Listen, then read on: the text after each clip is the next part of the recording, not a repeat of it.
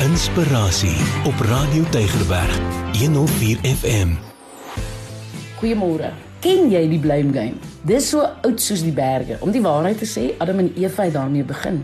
Onthou julle nog in Genesis? Toe hulle in die moeilikheid beland, blameer Adam dadelik vir Eva en Eva blameer die slang en so duur dit steeds voort. Mense is bang om verantwoordelikheid te vat vir hulle dade. Hoekom? Dalk is dit omdat ons in 'n samelewing leef waar perfeksie van alles en almal verwag word.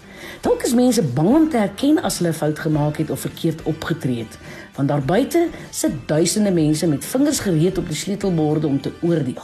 Woordklippe reën van oral op die een wat sou waag om skeef te trap.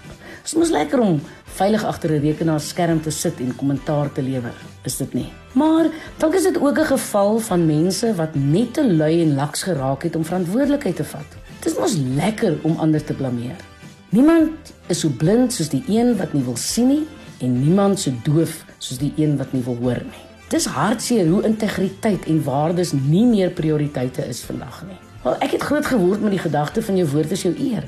As jy iemand iets beloof het, doen jy dit na die beste van jou vermoë ook hoor. As jy 'n fout gemaak het, erken jy dit. Jy vra verskoning, jy maak reg en jy gaan aan. Dit laat my dink aan 'n rugbywedstryd in 2015 toe Springbok Lode Jager die skeieregter om verskoning gevra het nadat hy gepenaliseer was vir 'n fout wat hy gemaak het. Die gebaar het 'n verslaggewer in Australië so geraak dat hy die volgende neergepen het. The difference between rugby and most other sports. After being called for a penalty, 6 foot 9, 260 pound 22 year old South African forward Lood de Jager said to the referee, "Sorry sir."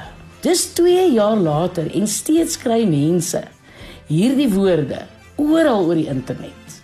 Niemand onthou meer sy fout nie, maar almal onthou sy optrede daarna en sien hom in 'n positiewe lig omdat hy verantwoordelikheid vir sy eie gedrag aanvaar het.